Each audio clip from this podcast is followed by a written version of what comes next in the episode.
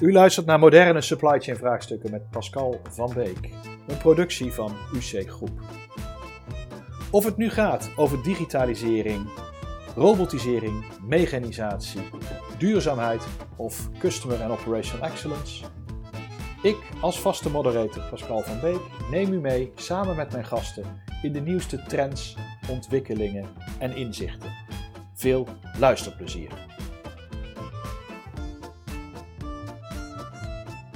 Jullie hebben over hoe je komt tot een goede, stevige logistieke infrastructuur die aansluit op je logistieke uh, strategie. Dat is onderdeel van een webinar-serie uh, die we met UC Groep draaien. En waarbij we altijd partners van UC Groep uitnodigen, maar met ook externe partners die op een bepaald domein uh, specifieke kennis inbrengen. Nou, vandaag is dat René Geuyen van Next Level. René, als je kort jezelf wil introduceren, alsjeblieft. Ja, uh, René Geuyen, Next Level. Ik denk dat als je de slides even neerzet, uh, is dat uh, wel het makkelijkste. Er staan veel plaatjes op. wij realiseren logistiek vastgoed. we hebben een kleine 500.000 meter plus in Nederland aan logistiek vastgoed gerealiseerd. terrein, de locatie waar je ons van kunt kennen, is in Venlo, Lidl, een groot project neergezet met 14.000 zonnepanelen op het dak. Friesland Campina en Meppel, maar ook in Veghel. Schneider Electric in Helmond. Dus een redelijke range aan, aan logistieke ontwikkelingen, waarbij het altijd uh, uh, de combinatie is tussen enerzijds logistiek efficiënt gebouw, uh, maar ook gewoon bouwkundig gewoon iets moois neerzetten voor de omgeving. Um, en misschien even de volgende slide laat zien waar wij ook heel veel tijd aan kwijt zijn, is namelijk het herontwikkelen van bedrijventerreinen. Wij kopen nogal wat vierkante meters aan aan brownfields, waarin we proberen vooral zeg maar oude industrieterreinen een stuk revitalisering te geven en daar gewoon een nieuw logistiek vastgoed neer te leggen. Um, en ik denk dat dat ook wel een specialisatie is waar we ons de afgelopen jaren op hebben toegelegd. Um, denk de bekendste die we hebben is uh, Greenery in Blijswijk. Uh, dat is een uh, terrein van 33 hectare. Waar we eigenlijk uh, bezig zijn met een eerste basis neer te zetten voor, voor wat betreft de verhuur. Maar op termijn ook bezig zijn met de nieuwbouwplannen voor het hele park. En daar eigenlijk gewoon grote integraal ontwikkelingen, herontwikkelingen aan het doen zijn. Dankjewel, dankjewel René. Dan geef ik ook even Wilbert de kans om zich uh, te introduceren. Wilbert Stuitensdijk van UC Groep. Uh, UC Groep is een uh, organisatie die zich bezighoudt met advies en realisatie binnen het logistieke werkveld. daar doen we allerlei projecten op projectmanagement, engineering. Zelf ben ik ook een logistiek engineer van oorsprong. En vandaar dat ik vandaag ook aansluit. nou, we houden ons met name bezig met de mechanisatie, robotisering, digitalisering en een stukje duurzaamheid. Dank je, dank je Wilbert. Dank je Wilbert. Dan, uh, dan gaan we nu echt beginnen. Negen minuten, uh, nou ja, vertraagd een beetje. We hebben wel wat introductie gehad. Um, ja, laat, laat, laat, ik aan, aan René en Wilbert de vraag stellen. Wanneer moet je nou als bedrijf echt gaan, uh, gaan denken over je logistieke infrastructuur? Nou, ik denk dat het belangrijk is om te kijken van wanneer zijn er bepaalde veranderingen in je bedrijf, in je organisatie of in de samenleving, die, ja, waardoor je toch op een andere manier naar logistiek moet gaan kijken. Omdat je een bedrijf hebt overgenomen, omdat je groeit. Of nu door COVID zijn natuurlijk bedrijven die nu enorme groeispurts mm -hmm. maken. Waardoor je niet meer bij je huidige infrastructuur uh, terecht kan. Ja, ja. Dus uh, grof, er staan een aantal punten ook nog op de slide, maar goed, er kunnen meerdere aanleidingen zijn om... Uh, ja, er kunnen allerlei redenen zijn. Het kan ook zijn dat je zegt van ik wil graag een footprint hebben in een bepaald land. Uh, en ja, daar wil ik gewoon een presence hebben met een fysieke locatie. Da daarom ga ik daar zitten, terwijl het misschien bedrijfseconomisch niet het ja, de eerste optie zou zijn. Precies, precies. En we hebben, we hebben voor dit webinar hebben we dan een, een zes stappenplan uitgewerkt. Of, nou, dat hebben we niet specifiek hiervoor uitgewerkt, heeft gezegd, maar uh, die presenteren we hier. Uh, dat stappenplan is een beetje het paraplu voor vandaag. En die zijn eigenlijk voor al die, die, die, die, die vragen die je net stelde, zijn die relevant. Kan je dit, dit plan volgen? Um, dat, ja. dat stappenplan is, uh, is kort als volgt. En we gaan dadelijk per stap wat dieper op in. Dat is stap 1 is gewoon goed kijken naar wat is nou uh, je, het logistieke concept wat je nodig hebt om competitief te zijn. Stap 1. Dat is een domein waar wij als UC Groep uh, regelmatig mee stoeien. Stap 2 is gewoon de best mogelijke locatie vinden. Nou, daar kan Next Level af en toe wel mee helpen. Dat zit niet 100% in een core, begrijp ik, maar wel zeker veel ervaring mee. Um, dan stap 3, stap 3, sorry. Stap 3, dan ga je echt kijken naar wat, uh, wat doet het gebouw nou qua inrichting en qua gebouw zelf. Hoe, uh, hoe richt ik dat zo goed mogelijk in? Nou, daar kom je uh, voor ons een beetje op een, een domein wat zowel Next Level als wij alle twee doen. Alleen Lex Nevel meer vanuit het gebouw bekeken en wij meer vanuit het proces bekeken als UC-groep zijnde. Stap 4, dan kijk je naar de, de best mogelijke financiële oplossing. Nou, dat is een, een, een, een, balans die je daar zou moeten vinden om, om dat zo goed mogelijk te doen, of voor de korte termijn, maar ook voor de lange termijn van het object. En daarna uh, krijg je uiteindelijk de delivery van het gebouw. En in stap 6, uh, hoe onderhoud je dat gebouw? Nou, dit is de paraplu. Daar gaan we nou stap voor stap eigenlijk uh, doorheen lopen met jullie. En dan begin ik met stap 1. En dat, dan geef ik het woord aan, aan Wilbert. Dankjewel. De eerste stap is natuurlijk bepalen van, ja, wat wil je? Dus we noemen dat hier het doel van het gebouw. Je ziet hier dan het voorbeeld van Friesland Campina op de achtergrond met de melkpoeder. Um, maar eigenlijk is het vanuit je bedrijfsstrategie, dus waar wil je als bedrijf naartoe, wat verwacht je in de toekomst, wat verwacht je dat de markt gaat doen, die bedrijfsstrategie vertalen naar een, een logistieke strategie. Ja, daaruit komt dan ook het doel, doel van je pand terecht. Ja, daar hangen dan allerlei dingen natuurlijk onder, want ja, in die logistieke strategie zitten zaken als van uh, welk serviceniveau wil je aanbieden, hoe snel wil je kunnen leveren naar de markt. Um, wat verwacht je qua aantal SKU's? Ga je groeien? Ga je dalen? Uh, wat heb je nodig als veiligheidsvoorraad, et cetera? Dat zijn allemaal dingen die je daar meeneemt, waar je ja, gewoon data-analyse op doet. Mm -hmm. um, op basis waarvan die dataset ga je dan weer de volgende, de volgende stap. Uh... De, de, de, aardig wat verschillende dingen. Komen die nou altijd samen of zijn er altijd een paar aspecten daarvan? Nou, dat, je raakt eigenlijk altijd wel alles hiervan. Alleen voor het ene bedrijf is, uh, is het ene veel belangrijker dan het andere. Mm -hmm. Het ene bedrijf zegt, nou, ik ga in SKU's ga ik toch heel erg uh, fluctueren de komende jaren. Want ik wil een bedrijf overnemen of ik zit meer in de e-commerce. Ja, ik, als ik morgen een ander uh, iets heb, dan heb ik weer 100 SKU's erbij. Dus daar moet ik flexibel in zijn. Maar snelheid is voor mij heel belangrijk, want ik zit in de e-commerce en ik wil gewoon dezelfde dag kunnen leveren. Ja, ja. Nou, dat bepaalt natuurlijk waar je de nadruk op gaat leggen in je uiteindelijke ontwerp en je hele netwerkdesign. Oké. Okay. Maar wat, wat, belangrijker is, Pascal, in dit verhaal, wat wij heel veel zien, is ook van wat is nou de magnitude van de, van de verandering. Hè? Dus als je zegt van oké, okay, assortiment toevoegen, is dat dan 10% of 100%?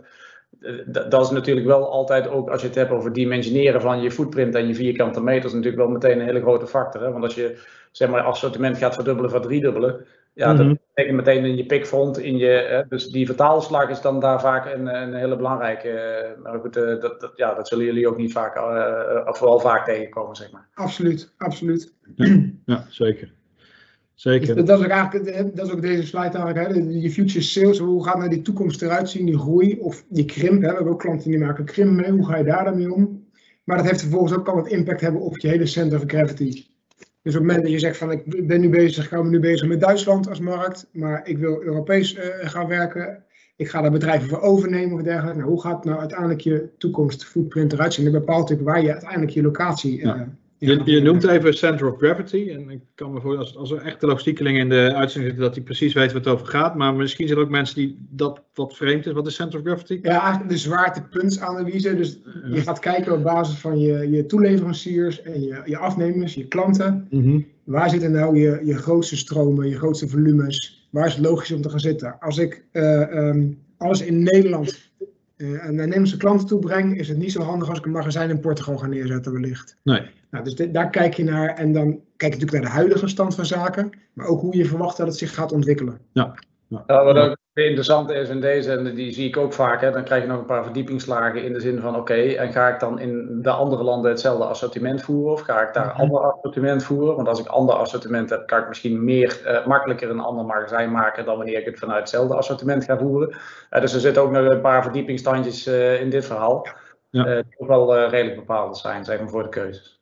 Ja, precies. Helder. Helder voor mij. Ja, dat zien we eigenlijk.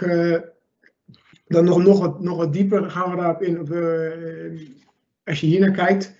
Dus het is afhankelijk van bijvoorbeeld een service level. Hoe snel wil jij spullen kunnen leveren? Bijvoorbeeld, als dit een voorbeeld eventjes binnen Europa. Ja, heb je het over twee, drie dagen, dan kan je misschien met één uh, Europese DC, heb je genoeg aan. nou, ben jij sneller? vandaag, morgen.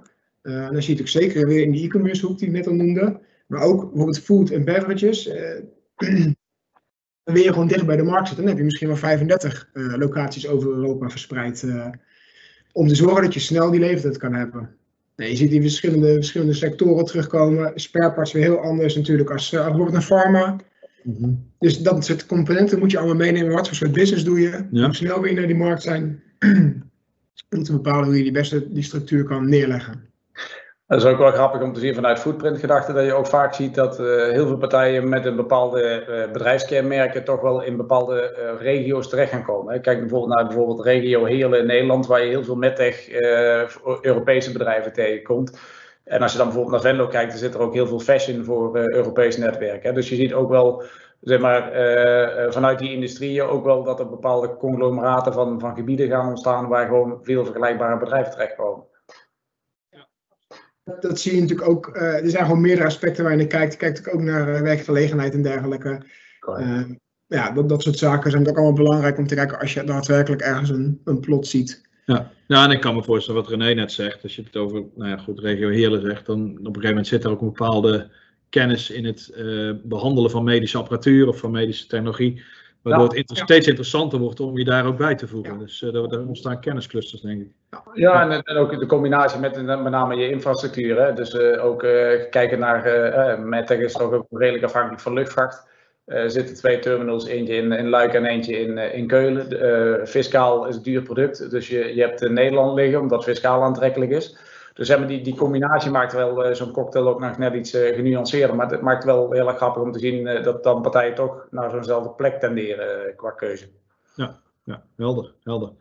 Dus die footprint, eh, Wilbert, vertel jij, eh, dat, dat is ehm, eigenlijk eh, ja, eerst wat je, wat je min of meer bepaalt. Van waar wil ik welke distributiecentra neerzetten. En dan eh, kan je dan een stapje dieper nog gaan. Zeker, dat kan ik zeker. Eh, dus als je, als je helemaal bepaald hebt ja, waar je wilt zitten eh, qua, qua warehouse, dan is de volgende stap natuurlijk van ja, hoe ga je dat inrichten? En dan is natuurlijk, er zit, er zit eigenlijk altijd een keuze in, blijf ik zoveel mogelijk handmatig doen of ga ik eh, deels of geheel of zoveel mogelijk automatiseren, robotiseren? Mhm. Nou, dat ligt eraan natuurlijk in wel- in welke sector je zit, eh, wat voor soort oplossing daarin zit. Je ziet hier een staatje waarin bijvoorbeeld ja, een, een manufacturing warehouse, palletsopslag over het algemeen. Denk ook bijvoorbeeld aan, eh, aan, aan voedsel. Volle pallet in, volle pallet uit. Ja. Kan je ook denken aan automatische hoogbouwmagazijnen en dergelijke. Terwijl als je naar een e-commerce operatie kijkt, heb je weer hele andere karakteristieken, dus ook hele andere oplossingen. Mhm. Dan heb je het meer over eh, een autostore of een shuttle systeem of een mini-loodachtige oplossing. Ja, dus echt en, enter op de oplossing of op het product en de, de, de karakteristieken van je, van, van je volumes, hoe je je automatisering neerzet. Ja. Dat is natuurlijk altijd de, eh, de, de mogelijkheid, je kan het ook manueel doen. Maar het is ook eigenlijk de vraag van ja, welke karakteristieken zijn nu belangrijk om te bepalen of je iets automatiseert of niet. Ja. Nou, dan heb je het over toekomstige groei. Is dat nou, kun je dat handig meenemen in die automatisering? Kun je die uitbreiden of niet? Kun je dat dus ook stap voor stap doen? Mhm. Ik sprak pas iemand die zei van ik vind het heel fijn om deze automatisering te doen, deze mechanisatie, omdat ik nu weet wat ik doe, maar ik kan hem uitbreiden in de toekomst. En dan heb ik dan de kosten en de investering. En dan spreid ik het eigenlijk over de loop der jaren uit als Ja. ik ook de business heb daarvoor. Ehm, maar daar zit ook zaken in als eh, het aantal SKU's wat, zich, eh, eh, wat je gaat ontwikkelen. Ehm, hoe verwacht je dat de orders gaan veranderen over de loop der tijd? Nou, allemaal van dat soort zaken neem je daarin mee om te Mhm. bepalen, is mechanisatie nou voor die partij de beste oplossing? Er zit ook weer de, de, de, de keuze van de locatie aan. Hè? Als je Ja. een locatie kiest voor jou het beste is, maar heel weinig labor te krijgen, ja, dan- moet je eigenlijk wel meer mechaniseren. Ja, ja. Er zijn, er zijn ontzettend veel aspecten. Ben ik, ben ik, ben ik wel heel benieuwd. Voor, voor mijn gevoel, ehm, als je nu kijkt naar de markt ten opzichte van, nou, laten we zeggen, tien jaar geleden, is mechanisatie tegenwoordig veel, eh, veel meer het armslengte dan dat dat vroeger was. Vroeger had ik het gevoel dat er veel meer voor conventionele warehouses werd gekozen, terwijl het misschien qua indicatoren niet eens zoveel ja, verschilde. Nou, ik denk dat er, dat er wel een aantal aspecten zijn die daarin belangrijk zijn. De- je ziet natuurlijk dat de, de, de, de terugverdientijd is wat lager geworden. Ja, dus dat heeft gewoon te maken dat er, eh, ja, de prijzen naar beneden zijn gegaan. Dus dan heb je de vraag hoe dat de komende maanden gaat. Want de prijzen gaan nu weer juist omhoog in de Ja. leeftijden. Dus wat de impact daarvan is, natuurlijk even afwachten. Ehm, maar je ziet ook dat er een aantal dingen gebeuren waardoor bedrijven zeggen van... hé, hey, ik wil gewoon meer gaan mechaniseren, automatisering. Ik sta er meer voor open, ik ben een stap Mhm. verder. Onder andere COVID is natuurlijk wel een voorbeeld Ja, van. ja. Dat bedrijven zeggen van ja, ik heb vorig jaar had ik eh, eh, mensen met corona, waardoor eh, mijn populatie, mijn beroepsgroep uitgedund werd. Mhm. Ehm, ja, dat wil ik niet meer. Ik wil nu toch meer gaan mechaniseren, gaan automatiseren. Ja. Ik denk ook dat er steeds meer voorbeelden in de markt zijn, waardoor ook de angst een stuk weggenomen is bij, bij bedrijven. En wat ik zie is dat er, en dat is nog wel echt een omkomst, dat er ook een andere manier van financiering soms gekozen wordt. Soms wordt het in het, bedrijf, in het nieuwe pand meegenomen. Nou, we hebben ook al voorbeelden gezien dat het as a service wordt aangeboden, mechanisatie. Mhm. Nou, dat soort dingen maken het voor bedrijven natuurlijk makkelijker om die stap te gaan maken. Ja, ja, helder, helder. Ik, ik, ehm, ik kijk even tegelijkertijd op de klok, maar natuurlijk een wat eh, slechte start, noem ik het maar even. Eh, helaas, dus we zijn inmiddels 20 minuten verder. Ik realiseer me ook dat we bijna iedere slide zouden een webinar op zich kunnen, eh, kunnen eh, verzorgen. Dus ik, ik wil ook iedereen uitnodigen, als je nou nog vragen hebt, één, gooi ze nu erin. Maar kom ook gewoon naar René. Aan het einde van de rit hebben we ook de contactdetails van René, dan wel van Wilbert hierbij staan. Ja, schroom niet om, om dan even te reageren met je wat vragen. Dan kunnen we ook verdieping pakken op het einde. Dus ik zal af en toe, zou ik ook omwille van de snelheid, sorry Wilbert en René, ook af en toe wat slides afkappen. Dus dat ga ik nu ook doen bij deze slide. Ja, dat zou ik zeker doen. Want eh, inderdaad, als, je, als, als ik de deur eh, de gelegenheid krijg, kan ik er ook nog een uur over doorpraten. Ja, ja, ja, ja, ja nee, daarom, daarom. Sorry, eh, dat is even puur. Nou, vervolgens ga je eigenlijk op het moment dat je hebt gekozen mechanisatie of niet, en je kan natuurlijk ook met scenario's werken, ga je een verdiepingsslag in en ga je echt bepalen binnen het pand, hoe hoog moet het pand zijn, en hoeveel vierkante meters heb ik nodig voor inbound, wat heb ik nodig voor opslag, et cetera. En dan zie je hier de voorbeelden staan. Eh, om uiteindelijk je totale footprint van je pand te bepalen. Eh, eventueel retourprocessen, maar ook niet vergeten office eh, processen. Denk, denk bijvoorbeeld dat als je zegt ik wil een callcenter erbij hebben. Nou, dat heeft meer vierkante meters nodig als een standaard warehouse operatie. En dat neem je eigenlijk in het geheel mee om te komen tot je, je, je totale plaatje van dit heb ik nodig, dit wil ik neerzetten Ja. als pand. Dus allemaal voorbereiding. Tot nu toe hebben we nog geen pand gezien, nog geen pand gedaan. René is nog niet in de picture met zijn bedrijf. Eh, maar goed, ik denk dat we wel, wel, wel langzaamaan een beetje in de buurt komen. Wat, wat, wat wel hier een hele belangrijke is, is, is wat is het ontwerpjaar? Eh, dus eh, dat, dat zie ik ook heel vaak. In, eh, de- de- dat iedereen wel redelijk een beeld heeft van hoe je, hoe je de metrages bepaalt voor je processen en je werkprocessen. Dus dat, dat is al vaak heel fijn. Maar wa- wat is je ontwerpjaar en op welk, eh, welke dimensionering maak je de volgende stappen? Eh, vaak wordt daar eh, of te krap of te, te, te kort eh, in gedacht en, en je mist gewoon, eh, of ja, je- wil je groeien, heb je gewoon een jaar tijd voor een bouw nodig. Dus als je 5 of 10.000 meter bijbouwt, ja, je bent een jaar verder. Dus, dus je ontwerpjaar... René, want je hebt het, voordat ik, je hebt het over ontwerpjaren. Je bedoelt Ja. Het Van jaar dat je nu ontwerpt en hou dan rekening met de, de bouwtijd, et cetera, voordat het echt in gebruik komt. Ja, kijk, wat, wat wij vaak zien is, is als je een gebouw nu ontwerpt, hè, in 2021, dat je Mhm. eigenlijk zegt, van, ja, ik moet er minimaal vijf jaar mee vooruit kunnen. Ja. En, eh, dus je ontwerpjaar is dan 2026. Eh, dus Ja, je, volume, je volumeprojectie zet dat er ook gewoon een paar jaar vooruit. Op het, eh, eh, typisch, ik had van een paar weken geleden een partij die zei van ja, god, we gaan eh, een tienjarige huurovereenkomst aan en eh, ja, onze business case gaat vijf jaar vooruit.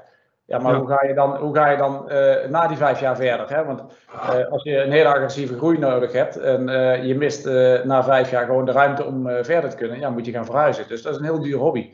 Ja. Hè, dus, dus, dus zeg maar, ook dat soort dingen. Probeer je projectie goed te definiëren. Wat heb ik nodig aan meters? Maar projecteer het ook netjes in de tijd. Prima, prima. Dat hebben we dan nu gedaan bij deze stap. Dan komen we bij de volgende stap.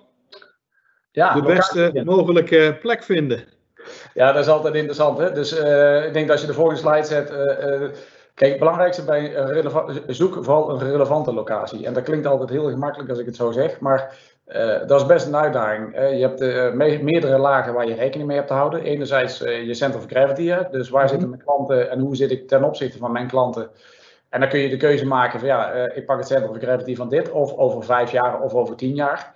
Ja, daar kan maar wel een verschil tussen zitten. Hè? Dus als ik nu weet dat ik in Duitsland heel hard ga groeien en ik zit nu in eh, Rotterdam, eh, ja, ga ik dan nu al in Venlo zitten of kies ik ervoor om al in Dresden te gaan zitten? Dus dat, ehm, dat soort magnitudes, daar kun je redelijk op losgaan.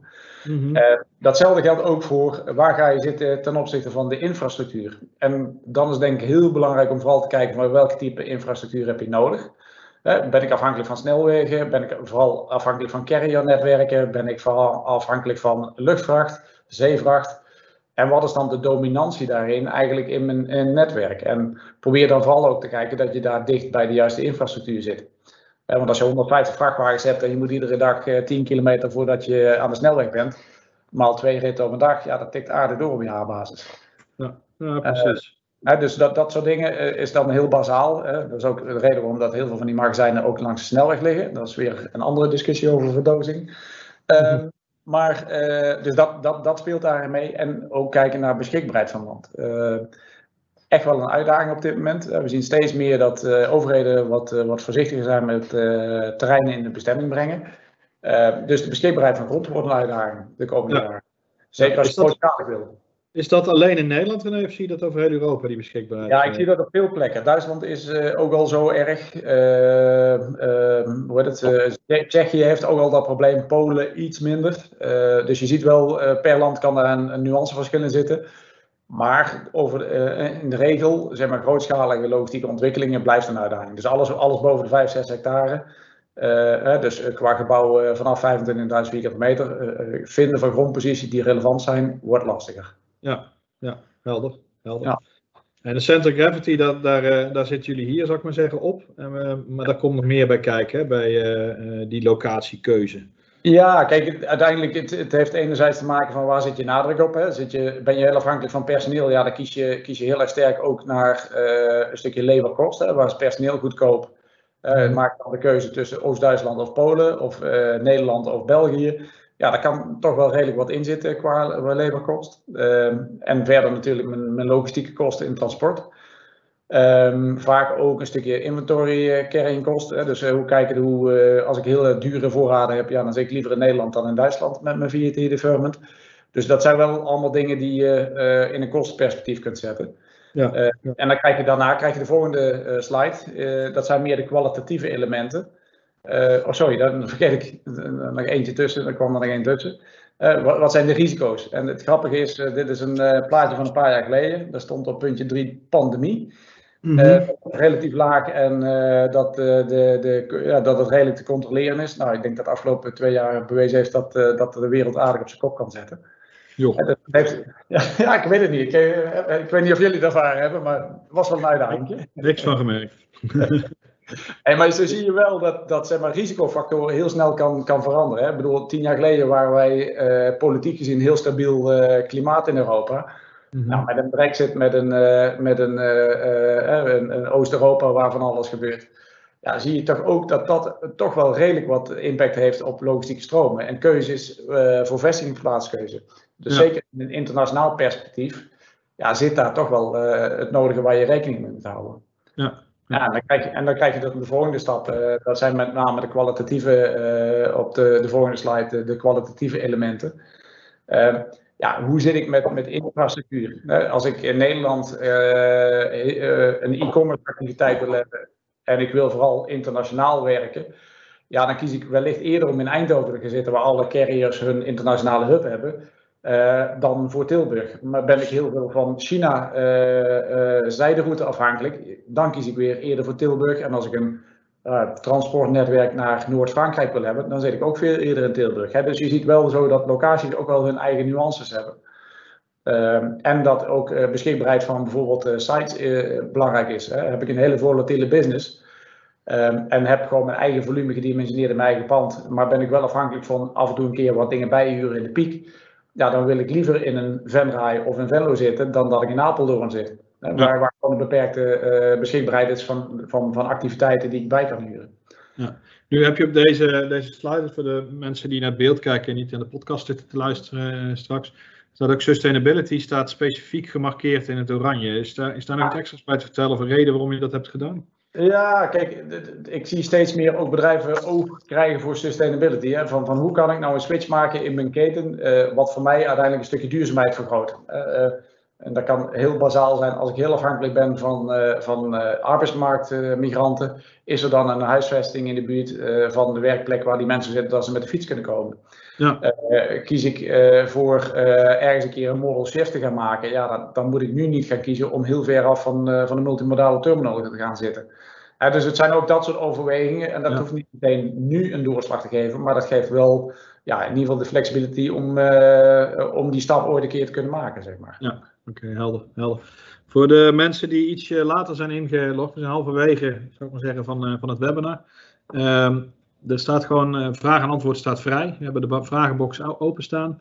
Deze slides zullen we voor iedereen die zich heeft ingeschreven toesturen. Die vraag kwam net ook ergens binnen, die heb ik ook nog niet, via deze nog even benadrukt. En integraal is, het, uh, is de uitzending straks op podcast en via YouTube ook terug te zien en te kijken, te luisteren. Sorry. Dus hou dat in. Voor de keuze van, het, van, van de locatie, ja. René, dan, dan, dan, dan maak je me ook maar van, van de bus. Vond ik ook eigenlijk wel een leuke in onze voorbespreking. Dat ik denk, ja, daar heb ik zelf, ik zit nou behoorlijk lang in het vak, maar ik heb daar zelf nog nooit bij nagedacht. Maar dat, dat schijnt zelfs in Nederland nog wel een dingetje te zijn, de, de fundering. Ja, nou ja, goed, kijk, uh, het leuke is, iedereen heeft het over grondprijzen, maar uiteindelijk uh, een groot deel van Nederland uh, staat, ja, is gewoon dik water en toevallig kunnen we erop staan. Mm -hmm. als je in de, de regio Rotterdam en Blijswijk zit, dan moeten er palen van 22 meter onder het gebouw. Als je naar Venlo gaat, ben je op staal funderen. dus het is ook heel erg goed kijken als je naar grondprijzen, en, en dat, verschil heb je zelfs op microniveau. Hè? Dus als je wij spreken in, in uh, pak even Tilburg gaat zitten of, of Nijmegen. Dus Nijmegen vlak bij de rivieren of Nijmegen wat verder van de rivieren af. Daar zie je dat die grondstabiliteit behoorlijk kan verschillen. Dus je, je ziet wel dat als je het hebt over grondprijzen, dat zegt op zich niks. Het is eigenlijk dat je op een moment moet gaan tellen van wanneer ga ik een gebouw ergens opzetten en wat heb ik nodig om dat gebouw met een benodigde draagkracht voor elkaar te kunnen krijgen. En dan kunnen er best wel wat verschillen ook in kosten zitten. dus in de mindset van als ik een stuk grond koop, dan heb ik het voor een tientje goedkoper dan de buurman. Daar zou ik niet altijd meteen van uitgaan. Nee. Dat geldt voor fundering, maar dat geldt ook bijvoorbeeld, vooral in brownfields, van wat zijn de kosten om bijvoorbeeld zo'n locatie weer te stabiliseren. Dus denk aan saneren, archeologie, sloop en dergelijke. Dus daar zitten ook vaak nog verborgen kosten in. Uh, maar goed, daar, daar, kan ik ook weer een heel verhaal over vertellen, maar dat gaan we nu even niet doen. Bij, bij behoeften maken wij een nieuw webinar daarvoor. Ja. Um, we zitten nog steeds in stap 2. We gaan naar stap 3, het uh, ontwerp van het optimale gebouw. Dus we hebben stap 1 even we voor, als reminder gehad. We hebben stap 1 gehad. We hebben gekeken naar wat, wat heb ik nou nodig als logistiek bedrijf of als bedrijf met logistiek. Dat was uh, stap 1. 2 was dan, dat hier René net afrondt, vind een geschikte locatie met allerlei aspecten waar je dan naar kijkt. En dan komen we naar drie, die hebben we gevonden, die locatie. Stap drie, nou ga, ga, ga nou maar het pand ontwerpen en de inrichting. Daar eh, geloof ik dat Wilbert wat uh, mee af wil trappen. Ja, dat klopt inderdaad. Dus nou, je, hebt, je hebt die locatie gevonden en er zijn er eigenlijk natuurlijk allerlei zaken die daar uh, omheen hangen, die ook nou, met name het gebouw te maken hebben. Er zijn een aantal niet genoemd, maar je hebt dan uiteindelijk het perceel, je hebt bepaalde uh, regelgeving vanuit de lokale overheid. Je mag een bepaalde hoogte bouwen. Um, we hadden dat ideale pand ontworpen in stap 1. Maar ja, het perceel is toch net weer wat anders. Um, dus dat, dat zijn allemaal dingen waar je dan rekening mee gaat houden in je daadwerkelijke uh, vervolgdesign. Uh, -hmm. ja, misschien, misschien wel een belangrijke hier is, uh, wij zien, hij staat er een beetje verscholen in elektriciteitsfeasibility. dus je ziet op dit moment enorm veel gedoe rondom aansluitcapaciteit van netwerken. we hebben onlangs een elektrisch, all-electric pand opgeleverd. En daar heeft een half jaar een stampende diesel voor de deur gestaan. Uh, om het uh, gebouw van, van stroom te voorzien. Dus je ziet ook wel, uh, er komen heel veel onderliggende factoren mee kijken. die echt wel ook op de doorlooptijd van de realisatie van het gebouw drukken. Ja, ja nou, die, die, dat, dat, dat, herken ik helemaal. Nee, we zien het ook gewoon in de, in de huizenbouw. Is het ook zo dat. Ja, sommige huizen worden nog niet opgeleverd omdat de gas- en elektra-aansluitingen niet geleverd zijn, terwijl de huizen eigenlijk klaar zijn. Wat natuurlijk allemaal ja, ook aan die kant een, een groter probleem nog groter maken, zeg maar. Ja, ja eens, eens, absoluut. Maar als je dan naar het pand kijkt, ja, dan ga je uiteindelijk, uh, komt dat dus samen. Hè? Dus aan de rechterkant zijn hier een aantal dingen uh, rondom het gebouw, rondom uh, stroomzaken, vergunningen, et cetera. En aan de linkerkant heb je eigenlijk het, de binnenkant van het gebouw. Dus je gaat vervolgens het design wat je had gemaakt in stap 1, wat je had uitgedacht, gaan we hier fine-tunen en daadwerkelijk op het gebouw projecteren. Hm. Nou, wat wel grappig is, is, is als je naar dat proces kijkt, uh, je gaat eigenlijk van iets wat op papier en in je hoofd zit, ga je uiteindelijk in staal en beton gieten. Uh, in, in een ontwerp. En, en de, de grap is altijd wel uh, dat je heel goed moet nadenken dat je niet continu weer flexibiliteit in zo'n plan gaat gooien. Want met staal en beton bestellen, dan, dan is die flexibiliteit ook weg. Hè? Dus ik denk dat dat ook iets is waar waar je in je ontwerpfase vaak tegenaan loopt, is ergens zul je een keer iets moeten gaan fixeren qua planvorming uh, en, en beperkte afwijking nog maar mogelijk gaan maken. Ja. En, jij zegt eigenlijk tegen de luisteraars, dit is ongeveer het moment dat, dat je dingen gaat fixeren. Hierna moet je niet te veel flexibiliteit meer in, het- in je plan gooien, althans. Nou, je, je- je kunt wel flexibiliteit inbouwen, eh, dus die, die, die heb je wel. Alleen structureel, dus zeg maar de schil. En, en eh, meestal zie je nadat je een ontwerp hebt en je gaat een tekening en een, en een plan maken, dat je op een gegeven moment ziet dat dan gaat een architect aan de gang, dan gaan de, de engineers aan de gang. Dus je ziet dan dat ook zeg maar, de kosten voor de realisatie ineens explosief gaan, gaan toenemen. Hè. Dus je ziet dat proces qua kostenniveau enorm. Hè. Alles wat geduldig en op papier is, ja, dat kost in verhouding niet zoveel geld en dat kost een hoop papier, maar dat is het dan ook wel. Ja. Eh, maar op enig moment ga je gewoon echt vol in de kosten voor wat betreft realisatie.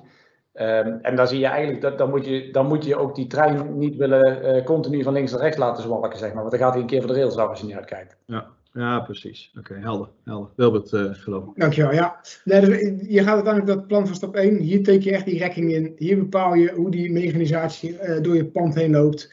eh, hoeveel doks je nodig hebt, et cetera. Nou, dat is natuurlijk wat René zegt. Je moet daar een gegeven moment wel een, een, eh, een bepaalde keuze maken. Want hier ga je natuurlijk ook nadenken over die toekomst en de ontwikkelingen die je hebt. Dat heb je natuurlijk in stap 1 al gedaan, maar hoe ga je dat nou echt doen? En wat we hier vaak ook in zien, is dat je hier uiteindelijk ook wel een soort spanningsveld krijgt. Ehm, je gaat nu misschien nog voor een conventionele orga- eh, operatie, maar misschien in de toekomst wil je wel AGV's hebben of wil je automatische restructs hebben. Hoe neem je dat hier al mee in het design? Want dat, dat, dat, dat legt wel wat andere eisen op je pand, zeg maar. Denk aan, aan de zwaardere rekking, eh, dat soort zaken. Eh, maar denk ook aan, je ziet hier het plaatje rechtboven, een magazijn getekend, maar er zie je ook nog twee, eh, twee witte vlakken naast. Ja, rekening gehouden met toekomstige groei. Dus je kan het helemaal uitrekenen in stap 1, hoeveel je precies nodig hebt. Die 19.000 vierkante meter bijvoorbeeld. Ja, Maar uiteindelijk zie je toch vaak dat klanten zeggen, ja, ik wil toch 22 bouwen, want ik wil flexibiliteit houden voor de toekomst. Want ja, je kan niet even, zoals René al eerder zei, even 5000 meter ergens aanplakken. En eh, heel veel klanten vragen het ons, maar rubberen magazijn hebben we ook nog nooit... eh, nooit kunnen realiseren. Nooit kunnen realiseren. Misschien een uitdaging voor Next Level.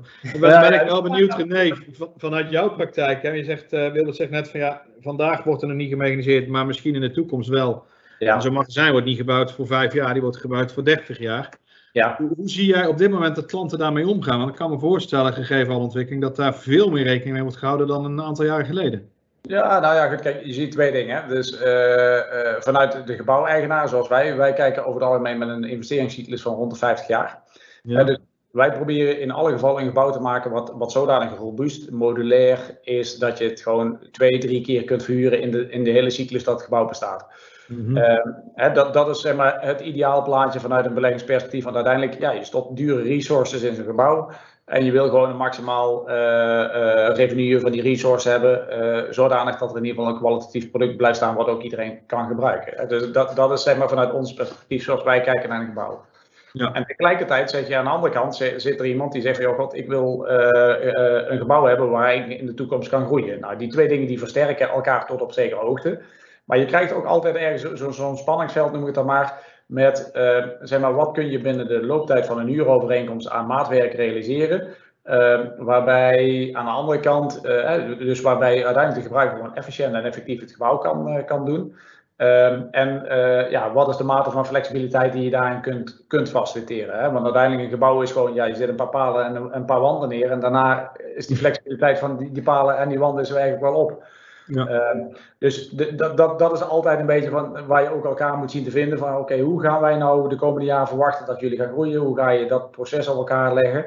En hoe ga je daarop voorsorteren dat je eh, ook in de toekomst gewoon met innovaties en veranderingen in je, in je procesgang wel je bedrijfsvoering kunt continueren. Hè? Want uiteindelijk, eh, je wil niet dat een gebruiker uit een gebouw gaat, want dat is, ja, dat is de duurste desinvestering die je kunt bedenken. Ehm, en eh, uiteindelijk wil je ook dat een bedrijf gewoon zijn muntjes kan verdienen met gewoon de bedrijfsvoering. Hè? Dus dat, Ja. dat, dat proces, eh, daar moet je eh, zeg maar vooral op details kijken hoe je dat gaat doen. En ja, dat, dan ben ik me wel bij deze probeert vooral te kijken van hoe maak je het dan zodanig flexibel dat het ook alle kanten nog steeds uit kan. Ja. En, en waar let je dan, bouw je dan de flexibiliteit ook in het proces in om dat mogelijk te maken? Ja.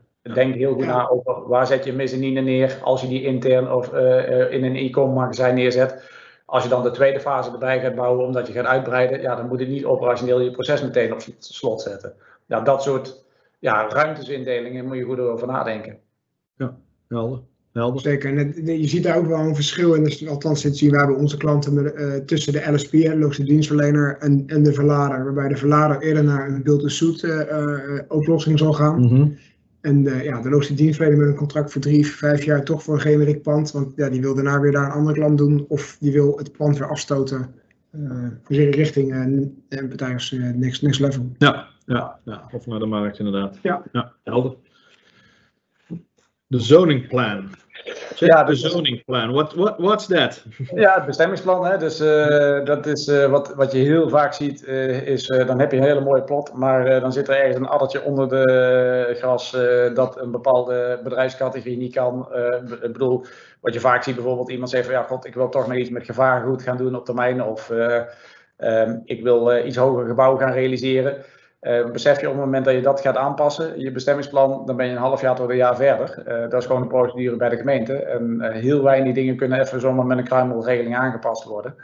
Dus dat zijn wel hele belangrijke dingen om in ieder geval goed, goed te checken voordat je met een heel groot plan begint en in de toekomst van allerlei dingen van plan bent.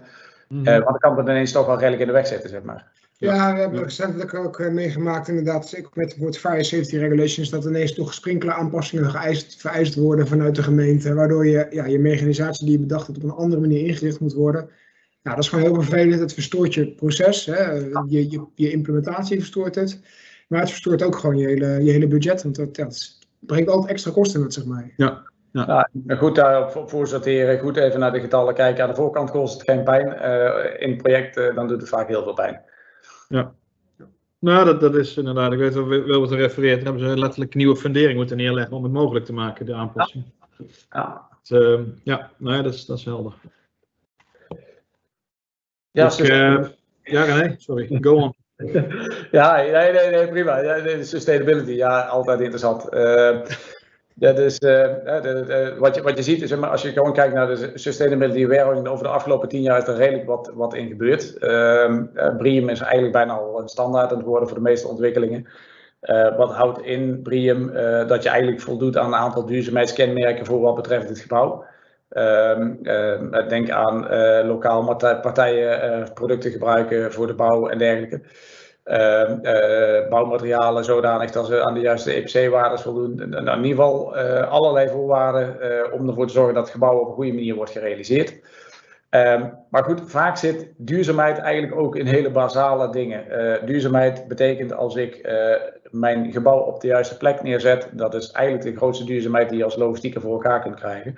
Want hoe minder vervoerbeweging dat je initieert, des te duurzamer je CO2-druk in je transport is. Ehm, dat geldt ook voor eh, proces. eh, hoe, hoe organiseer je je proces en je energieverbruik rondom dat proces? Ehm, het mooiste voorbeeld dat ik ooit een keer heb gehoord is eh, eh, een paar jaar geleden bij de VETEM in Amsterdam. Daar deden ze gewoon het licht uit in de pauze en dat scheelde ze gewoon 10% op je energierekening, eh, gewoon qua verlichting. Het, ja, het zijn hele basale dingen. ehm, dus iedereen focust wel op een groen label, maar het is volgens mij ook gewoon awareness en zorgen dat je aan dingen eh, denkt die direct energieverbruik doen. Ik zeg altijd, eh, de meeste magazijnen, er komt morgens iemand binnen die, die ramt op eh, alle knoppen om de verlichting aan te doen. En eh, als je dan geen sensoren hebt, dan brandt alles de hele dag. Ja. Ehm, en datzelfde geldt voor de verwarming. Als er iemand aan de knop naar 20 graden draait, dan is het 20 graden. Ehm, terwijl je ook gewoon die medewerker een dikke trui kunt geven. Het, zijn, het zijn allemaal van die hele basale dingen waar je, waar je volgens mij nou best wel wat stappen kunt maken.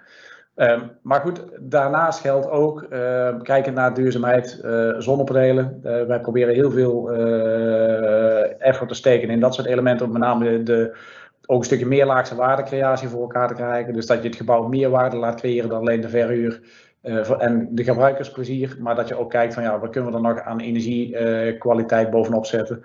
Ehm, datzelfde geldt ook voor eh, inpassing van die gebouwen in de omgeving. We gaan Mhm. waarschijnlijk niks veranderen aan de vorm van de gebouwen. Pallets zijn nog steeds vierkant. Mhm. Eh, maar eh, je kunt wel in de omgeving zorgen dat het gewoon een groen aanzicht heeft en dat het gewoon op een nette manier eh, in de omgeving wordt ingepast. Dus Ja. daar kun je, kun je heel veel dingen in doen. Helder. Ja, dat, dat is inderdaad interessant over die landscaping. Je krijgt ook eh, regelmatig discussies. Kijk, wat- voor echt de hoogbouwmagazijnen 25, 30 meter, daar heb je natuurlijk echt die discussie over hoe het in het landschap eh, past eh, met eh, om, omwonenden. Ja, Ja, nou ja, je hebt ook, ook wel, wel de, de, de, de, trend volgens mij om ook meer echt naar het design te kijken van het gebouw. Dat het niet meer alleen die vierkante doos is, maar dat er meer omheen hangt, dat het ook wat, uh, wat prettiger is om naar te kijken. Ja, een mooi voorbeeld is denk ik het pand van, uh, van uh, Rinus. Van ja, Rinus ja. ja, dat, dat, dat voelt er ook inderdaad aan, zeker. Ja, ja kijk, het zijn ook vaak heel veel simpele dingen. We, we, hebben nu in ons laatste ontwerp, bouwen wij gewoon heel veel daglichttoetreding in. dus niet alleen via de gevels, maar ook via de zijkanten en boven de, boven de docks, onder de mezzanine. Uh, bouwen wij allerlei uh, lichtstraten extra in. En je merkt gewoon zeg maar, de lichtbeleving van die panden. Uh, traditioneel hele simpele witte coating aan de binnenkant van, van het gebouw in plaats van gewoon grijze, grijze ijzeren platen. Ja. Het zijn vaak hele kleine dingen, die kosten in verhouding helemaal niks, maar qua beleving levert het ook wat op. En ik denk wat, wat daar gaat, sustainability gaat ook iets verder als alleen maar duurzaam in de omgeving passen. Ook zeg maar, de well-being van de medewerkers in het gebouw. En gewoon de, de, de eenvoud uh, en uh, transparantie van de gebouwen, ja, dat maakt ook wel heel veel uit. Ja, super. Met nog 13 minuten te gaan, uh, doe ik nog één oproep voor vragen. Als er vragen zijn, laat ze stellen, want nu kunnen we ze nog beantwoorden.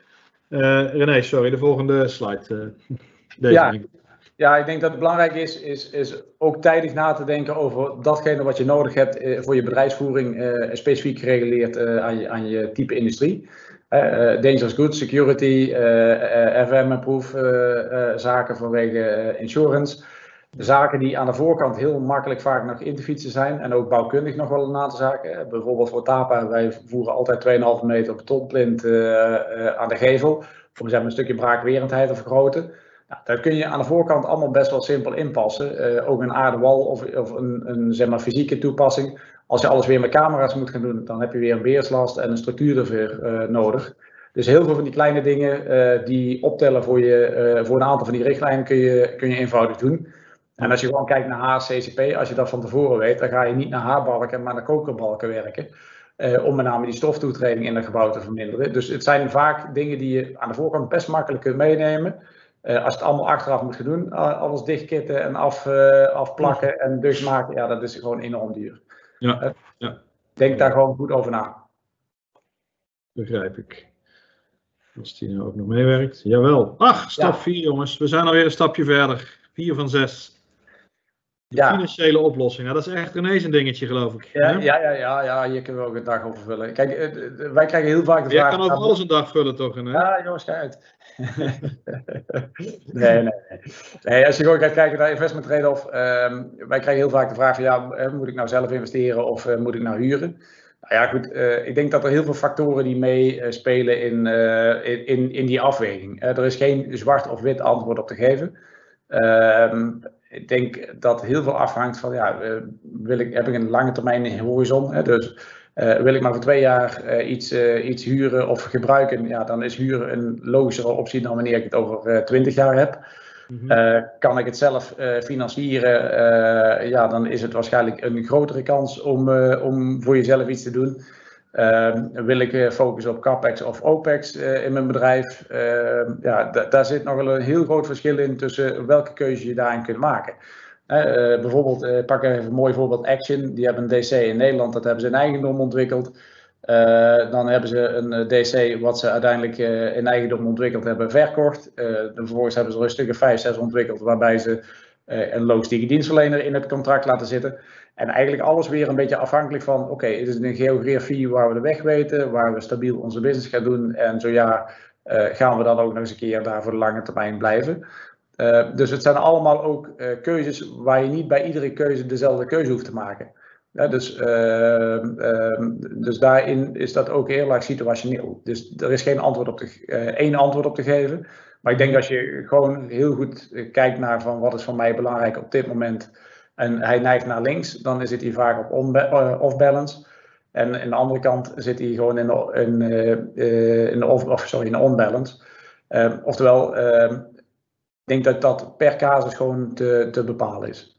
Ja, helder. Dan gaan we bouwen. We hebben heel veel onderzoek gedaan vooraf, getekend, gerekend, bestemmingsplannen bekeken, al dat soort zaken, regulations bekeken. En nou uh, mogen we gaan bouwen, René. Dat, uh, daar, daar, is natuurlijk ook nog wel wat over te roepen. Ja, ja, uiteindelijk in de bouw zijn er een aantal dingen die je in de gaten moet houden. Is gewoon, wat is je ontwerp? Oftewel, hoe ziet het gebouw eruit? Uh, twee, wat moet erin komen en wat is mijn budget? En dat is eigenlijk wat wij continu proberen met elkaar gewoon heel strak te managen. Um, want uiteindelijk, uh, ja, als je aan een van die drie knoppen gaat draaien, dan gaat er iets gebeuren met uh, het resultaat.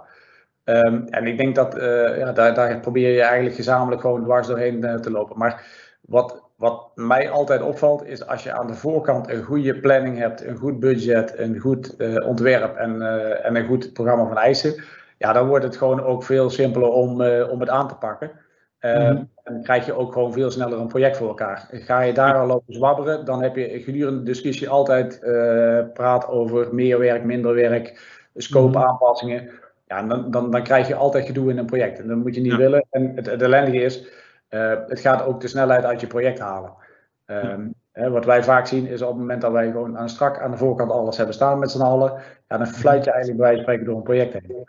Ja, ja, ik kan me voorstellen. Hey, ik, uh, ik heb net op, een oproep gedaan voor vragen. De, we ja. hebben een vraag te pakken. Blij dat er in de actie ontstaat, vind ik altijd leuk. Dat wil in ieder geval zeggen dat iemand aandachtig zit te luisteren. Betreft, ik, ik heb geen naam, een stagiair bij een bierbrouwerij in, in het Haarlemse. Hij schetst even de, de situatie, dus ik zal het even voorlezen. de enorme groei van de afgelopen jaren zorgt ervoor dat het huidige pand te klein is. Er wordt uiteindelijk een uitbouw gedaan zodat het magazijntekort opgevangen kan worden. Dit komt ook door een toename van 2,5 keer de productie in de komende jaren. Uh, wat is het meest belangrijk voor mij als stagiair om op te letten? Het gaat hier vooral om de inrichting van het magazijn en verplaatsing van producten. Dat is misschien een vraag die ik even naar Wilbert wil uh, brengen. En René, als jij daarna nog opmerkingen hebt, uh, feel free natuurlijk. Ja, ja dus ze bouwen een stuk aan, begrijp ik. Het volume gaat uh, flink omhoog. Uh, dus eigenlijk is het belangrijk om te kijken van waar gaat dat volume heen? Wat zijn dan de stromen? Mm -hmm. En is dat dan het eindpunt of komt er nog meer bij? Mm -hmm. En daar eigenlijk zou je je, je ontwerp op moeten gaan, gaan definiëren. En dan dus kijken naar volumes. Uh, nou, zullen waarschijnlijk palletvolumes vooral zijn, denk ik. Het zal al gepalletiseerd zijn vanaf mm -hmm. de productielijn. Um, Waar gaan die naartoe? Hoe snel kun je die laden? Kun je, kun je rechtstreeks al, al dingen meteen laden naar bijvoorbeeld afnemers? Of moet het eerst echt een opslag? Dus kan je het een soort van crossdock of, of niet? Uh, als je het dan opslaat, hoe ga je dan opslaan? Wel eens handig. Moet je dubbel diep gaan opslaan of niet? Mm -hmm. Dat heeft allemaal mee te maken hoe snel het magazijn uitgaat. Um, ja, daar, daar, moet je echt even diep, diep induiken en rekenen en uh, toetsen met de rest van de organisatie wat ze de verwachting hebben, zeg maar, daarin uh, waar het naartoe gaat. Een drietal punten, zou je drie dingen mee kunnen geven? Gewoon even een drie kraken. Ja, dus de, de volumes, dus de, de data ja. eigenlijk. Um, de afnemers, hoe zien die eruit? Ja. Hoe kan je daarmee spelen? Uh, en ik denk, ja, wil je het conventioneel houden of wil je een stukje mee gaan mechaniseren binnen die panden? Ja. Nou, dus even de vraag ligt aan de situatie te plekken natuurlijk, of de, voordat ik er echt antwoord op kan geven. Maar... Helder. helder. Ja. Nou, ik hoop dat dat een, een beetje helpt. Bedankt voor, uh, voor deze vraag. Ja, en anders, ik dan, dan, even wat weer... Uh... Prima, prima. René die heeft ook nog wat, uh, wat input voor, voor de vraagsteller. Ja, ja, we hebben vorig jaar een, een, een, een fabriek opgeleverd voor Refresco in Sittard. Uh, het was een 24-7 productie. daar hebben we een magazijn in drie fases gebouwd. Ik denk dat als je gaat bouwen, Uh, en je gaat het magazijn uitbouwen uh, binnen de bestaande omgeving. Denk vooral ook na wat wordt je plan tussen hoe ga ik bouwen en hoe ga ik ervoor zorgen dat uh, als dat volume zo hard groeit, nog steeds de spullen de deur uit krijg. Ja. Ja. Ja, je moet echt zorgen voor een tijdelijke workaround. Dat hebben we toevallig ook in de, ook in de drankenbusiness in, bij Irish Distillers in Dublin ook gedaan. Hebben we ook een, de productielocatie uitgebreid. Uh, met een aantal docs, maar ja, dan moesten we tijdelijk wel de andere kant op. Ja, daar hadden we een hele mooie workaround. Uh, ook speciaal nog een extra uh, pand voor gebouwd om die workaround te kunnen creëren. Ja. Dat de business gewoon door kan lopen. En dat is gewoon cruciaal. Ja. Eens, dus ik denk dat, dat dat is vaak de grootste complexiteit. Kijk, de bouwstroom kun je nog een beetje aanpassen op, op, op tijdelijkheid. Maar je komt ergens op momenten dat er cruciale logistieke stromen klem komen te staan tussen de nieuwbouw. zeker als je midden in de, in de bouwput aan het uitbreiden bent. Ja, Super, super. Dank je voor de vraag. René, uh, terug naar construction management. Ik geloof dat je ja. daar klaar mee was. Maar ja, dat, uh... nee, nee, nee, eens. Hè. Dus, maar het zijn wel die drie dingen die belangrijk zijn. De rest is eigenlijk uh, executie. als je die drie dingen aan de voorkant gewoon goed voor elkaar hebt, dan is het project, goed projectmanagement, cost management. zorgen dat je on-site supervisie gewoon goed is. Een stukje kwaliteitsmanagement. Dan is het eigenlijk gewoon projecten doorrammen. En dan kom je ook altijd hobbels tegen, maar als het dan de voorkant gedefinieerd is, dan komt het goed. ja, mooi zo, mooi zo. Ja. Dan, uh, dan zijn we aanbeland bij de, bij de laatste stap die wij hadden uh, benoemd, zeg maar zeggen, in die infrastructuur. En dat is het up-to-date houden van de facility. Het onderhouden, ja. het onderhoud. Ja. ja. eigenlijk wil ik hier ook een beetje knipoog maken naar het begin. als je gaat ontwerpen, denk vooral ook over een aantal gewoon gebruiksfase elementen na. Um, ik kom nog te vaak tegen dat mensen dan de verkeerde details hebben. Dan vind ik het heel belangrijk dat er een, een aantal hele fancy logistieke dingen ingebouwd worden. En dan denk ik iedere keer van ja, die dokbumpers en die aanrijbeveiliging. Volgens mij is dat echt vele malen crucialer, want daar heb je echt een hoop ellende van als dat niet voor elkaar is. Ja, uh, ik heb dus een mooi nieuw pand inderdaad. Hadden ze de aanrijbeveiliging niet op dat kolommen gezet. En dan zie je zo'n kolom staan die door een rietstuk geraakt is. Ja, daar word je niet echt heel blij van. Uh... nou ja, goed. We hebben een hooglogistieke operatie onlangs opgeleverd. En de, de, nieuwe deuren hingen voor een half... nee, in de nieuwbouwhal hingen de deuren er net een half uur in. Toen zat er alleen met zijn vorken erin. Oeh, dat doet pijn. Ja, dat is niet fijn. maar goed, dat, dat soort dingen. Maar hetzelfde geldt voor uh, zeg maar de buffertjes die aan de docks, uh, docklevelers zitten. Ja, het zijn kleine details, maar als die na een half jaar al helemaal stuk gereden worden, ja, dan kun je beter toch een paar tientjes meer betalen voor een, voor een Landflex bumper of voor, voor een steel plated bumper. Um, gewoon, het zijn kleine details, maar wel die een hoop ergernis van iedere dag kunnen voorkomen. Ja. Uh, ja, en rechtsonder zie je ook de kleurstelling van je, van je binnenbeplating. Ja, het doet heel veel in een gebouw op het moment dat je gewoon witte beplating hebt. Dit zijn allemaal van die kleine ontwerpdingetjes die echt gewoon een stukje daily comfort, maar ook schoonheid uh, in het pand overeind houden. Mm -hmm. het rechtse pand blijft over het algemeen schoner dan het linkse pand, omdat je daar de stof niet ziet liggen. Ja. Dus het is ook een beetje een hygiënefactor, een stukje praktisch toezicht en controle. En dat weet je gewoon in logistieke processen. Op het moment dat het gewoon netjes en overzichtelijk is, is het uh, praktischer om te onderhouden dan wanneer het binnen de kortste keer een grote bende is. Want dat ook een prettige, een, een prettige werkomgeving voor de mensen. Ja, tuurlijk, absoluut. Dus uh, die speelt dan ook mee. Dus, hè, dus, en, en ook hierin geldt, ga je hier nog een stap verder, ga je ook naar interactieve systemen met tagging en, en deurkliks en zeg maar wifi-achtige gestuurde onderhoudsschema's, hè, dus het aantal deuren bijvoorbeeld, die, dat je daar een tellertje opzet hoeveel de uh, preventive maintenance je kunt gaan, gaan sturen op basis van het aantal keer dat de deur is open geweest. Ja. ja daar, kun, daar, kun, je nog heel ver mee gaan en je kunt het ook weer koppelen aan je hele yard management. Dus er zijn heel veel technologieën op dit vlak die nog een stap verder gaan. Maar ik, zeg altijd van, vergeet niet het basale waar je gewoon iedere dag last van hebt als dat kapot is. Ja. dat je dat gewoon goed doet. Ja, helder, helder. Dat uh, brengt ons bijna aan het einde van die stap 6. We hebben geloof ik nog een uh, klein afsluiting daarbij. Ja, vaak zie je ook uh, certificering. Ehm, kijk, uiteindelijk is het in de contractvorm die je met elkaar hebt afgesloten toch vaak afgesproken van wie doet nou wat. Ehm, maar, maar, blijf wel in de gaten houden dat je gewoon je certificering en je onderhoud gewoon op orde hebt. Gezond. Als het een keer fout gaat, dan is het toch wel heel vervelend als daar een keer iemand met een grote vinger op steekt en zegt van je mag dit gaan betalen. Um, ja, het zijn vaak kleine dingen, maar die zijn wel heel belangrijk. Ja, helder, helder. En daarmee komen we best luisteren op de afronding. We hebben jullie het afgelopen uur, ietsje minder dan een uur, nogmaals, mijn excuses aan het begin, uh, door een zestal stappen uh, geholpen. Dat, dat ging um, soms wat verdiept, soms wat, wat high level. Ik denk dat je hebt gemerkt dat zowel René als, als Wilbert daar ook behoorlijk de diepte in zouden kunnen gaan. maar dan hebben we meer tijd nodig dan één uur.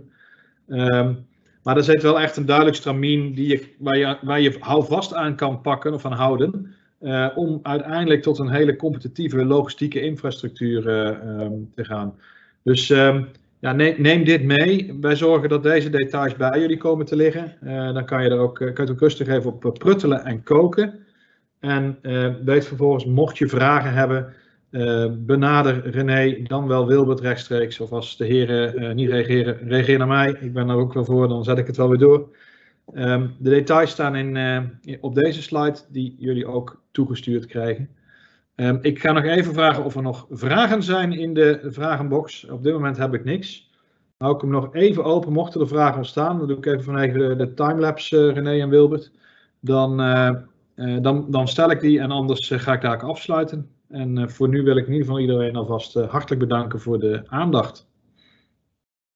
En Wilbert en René, heel hartelijk dank voor jullie uh, enthousiasme en, en het delen van dat, uh, nou, dat kleine gedeelte van jullie grote kennis. Graag gedaan, uiteraard. Dankjewel en allemaal een fijn zonnig weekend. Dat gaat eindelijk lukken, ben ik bang. Ik, ben ik bang. Kijk ernaar uit. Ik ben net zeggen, ik, ik, ik ja. ben er niet bang voor. ik heb geen vragen. Ik ga afsluiten. Top. Dank jullie wel. Dank allemaal. Tot ziens.